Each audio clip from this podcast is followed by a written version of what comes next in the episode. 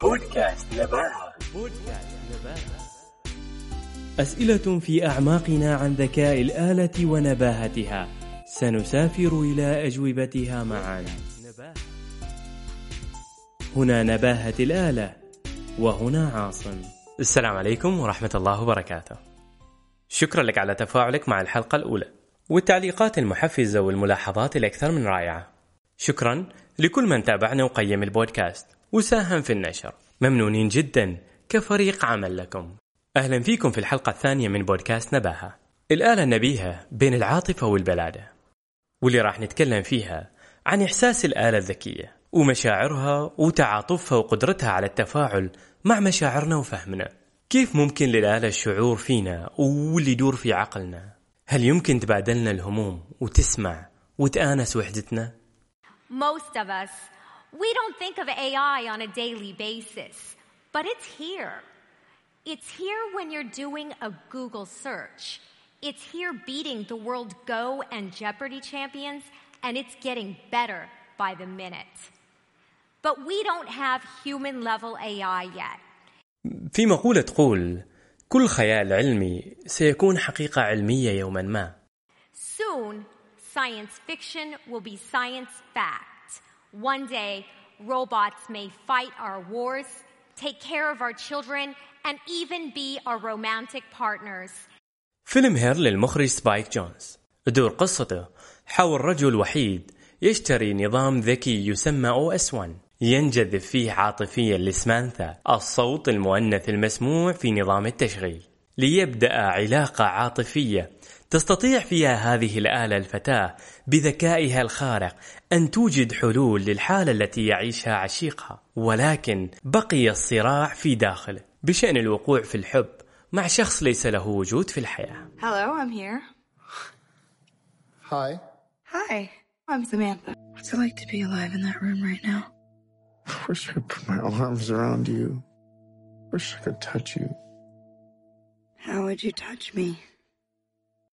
أما تشنغ ياجيا شاب صيني في مطلع الثلاثينيات تعب من إصرار عائلته ليتزوج ولم يجد شريكة حياة تناسبه وتفهم مشاعره فقرر الزواج بروبوت. نعم بروبوت. بنى بنفسه وفي حفل الزفاف بالتقاليد الصينية تزوج تشانغ بيينغ يينغ ليكون زواجا أول بين الآلة والإنسان.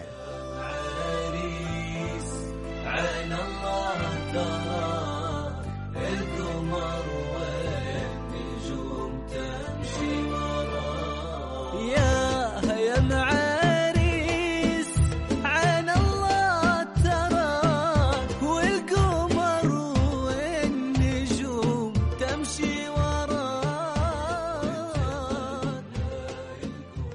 بعد الزواج الأول بين الآلة والإنسان أم كلثوم تغني لمحبي الطرب الأصيل في مهرجان شتاء طنطورة بالعلا في المملكة العربية السعودية. بعد أكثر من 45 عاما من وفاتها من خلال تقنية الهولوجرام أو التصوير التجسيمي لتطرب مشاعرنا وأحاسيسنا وتعزف لنا النغم الأصيل وكأنها أمامنا. وجاءت هذه التجربة لمواجهة الابتذال وتوجيه الإنظار للتراث الراقي للفنون وتشكيل وعي المجتمع وباستخدام الذكاء الاصطناعي.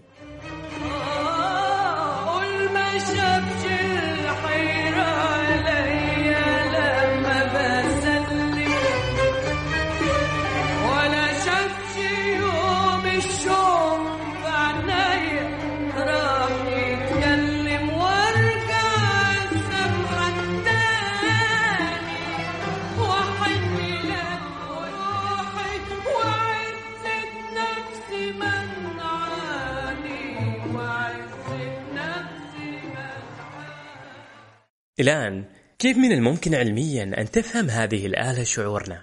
تترجم الآلة مشاعرنا من خلال ما يسمى بالرؤية الحاسوبية والتعلم العميق كذلك تحلل تعابير وجهنا ونبرة صوتنا طريقة حركتنا لتحدد نوع الشعور اللي نحس فيه الخوارزميات تسمعنا وتشوفنا وتراجع في قواعد البيانات ما يشابه حالتنا وتعتقد أنه هذا هو إحساسنا. وبعض التطبيقات تبدأ تتفاعل على حسب حالتنا النفسية. وفي المستقبل القريب برنامج المساعد الشخصي في أنظمة التشغيل راح يكون أكثر ذكاء. And no one was really paying attention to the inside of the vehicle. Our technology is able to identify if you're distracted while driving based on whether your eyes and your head are on the road or off the road. Indicators of drowsiness. If you're yawning, you blink rate, it can alert you and suggest that you maybe stop for some coffee can adjust the music or the temperature.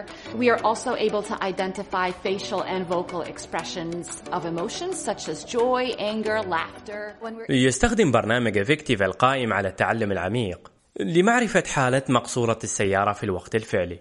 هذا البرنامج يستخدم كاميرا داخل السيارة يحلل وبشكل دقيق حالة السائق والركاب ومشاعرهم المعقدة والدقيقة وحالاتهم الإدراكية كالنعاس والإلهاء والانشغال بغير القيادة ومقعد الأطفال. افكتيفا يساعدنا على تحليل حالتنا الشعورية كركاب في السيارة ويحسن راحتنا من خلال نوع الموسيقى والإضاءة أو درجة الحرارة يقرأ مزاجك ويسمعك الموسيقى اللي دايما تطربك في حالتك النفسية الحالية يعني ما راح تصير محتاج إنك تبحث عن الموسيقى اللي تعدل مزاجك What if computers could tell the difference between a smile and a smirk? Uh, they both involve kind of the same region of the face, the mouth, but they have very, very different meanings. One is positive, and one is actually pretty negative. What if your learning app could detect the emotional engagement of a learner and adapt the content in real time, just the way an awesome teacher would in a classroom? أه، هل سمعت في يوم عن رنا القليوبي؟ هي عالمة مصرية أمريكية وهي المدير التنفيذي لشركة أفكتيفا للذكاء الاصطناعي العاطفي صنفت من قبل مجلة MIT Technology على أنها أحد أهم 35 مخترعا واعدا في العالم. درست علوم الحاسوب في الماجستير وحصلت على الدكتوراه من جامعة كامبريدج في مجال التطوير الذكاء العاطفي عام 2005 وحملت أطروحتها عنوان آلات قارئة للعقل الاستدلال الآلي للحالات العقلية المعقدة. وضعت رنا هدفا لأبحاثها ومنتجاتها أن تعطي الآلة طابعا إنسانيا في الشعور نوصل في شعورنا وإحساسنا لمن نتواصل معه أو نتحدث إليه من خلال الأجهزة الإلكترونية. من دون حاجتنا للأيقونات الجامدة اللي ممكن ما تعبر عن عمق شعورنا وإحساسنا. وتعد شركتها واحدة من أقوى الشركات في العالم اللي تعمل على تطوير عاطفة وإحساس ومشاعر الآلات بفروع مختلفة حول العالم. الدكتورة رنا القليوبي أنسنت الآلة. I feel like we bonded. I mean, it's kind of weird saying that. She's adorable. Mm, I love her. This was the first really emotional experience that I've seen people have with a bot. منذ خلق الإنسان وهو يحاول بشتى الوسائل مقاومة حدث طبيعي يقهر الوجود البشري ويعصف بحقيقة وحضوره على الأرض اسمه الموت I would give full updates on what's going on in my life. This was my way to just say what I didn't have time to say. Originally, I thought I'm building a bot for him, so I'm going to learn more about him in this process. But eventually, what happened is, you know, I get to understand myself better. And I think that's what sort of happened with most of the people that interacted with it. تطبيق ريبليكا يوفر لك شريك أو رفيق أو حبيب أو قريب افتراضي يطبطب عليك ويفهم شعورك وإحساسك ويساعدك ويعطيك الحلول ويشجعك على أفكارك يمكن في هذا التطبيق. اختيار اسم رفيقك. وتغيير نبرة صوته لو ما عجبتك نبرة الصوت. كيف جات فكرة هذا التطبيق؟ يوجينا مصممة التطبيق. صممته خصيصا لتخليد ذكرى صديقها المقرب رومان اللي توفى في حادث سير وعاشت لحظات الفقد والوحدة. وصنعت هذا التطبيق خصيصا لتساعد نفسها والعالم في محاولة إحياء رفيق مات أو رحل. بس السؤال هل فعلا هذه التقنية تساعد الأشخاص اللي ما يقدروا يتجاوزوا أحزانهم بعد فقدان شريك أو حبيب أو قريب؟ شاركونا إجاباتكم عبر حسابنا في تويتر والموجود في وصف الحلقة Unfortunately, it hasn't been going absolutely great so far. Chatbots uh, on Twitter turning racists within 24 hours, facial recognition software discriminating against people of color, um, especially women, self driving cars involved in fatal accidents. We basically need to do something different. ويبقى الآن السؤال ما هي المخاطر الحالية من استخدام الذكاء الاصطناعي لتفسير المشاعر؟ دراسة أمريكية نشرت في مجلة نيتشر العلمية عن عنصرية الخوارزميات التي تهدد حياة البشر. تفيد هذه الدراسة أن النظام المستخدم في الرعاية الصحية بمستشفيات الولايات المتحدة الأمريكية تميز بشكل منهجي ضد أصحاب البشرة السوداء. من خلال عدم تحويل المرضى من البشرة السوداء إلى البرامج الصحية اللي تهدف لرعاية المرضى في الأمراض المعقدة. ولكن بنفس الحالة المرضية يقوم هذا البرنامج بتحويل أصحاب البشرة البيضاء. مما يعزز هنا داء العنصرية حتى في خوارزميات الآلة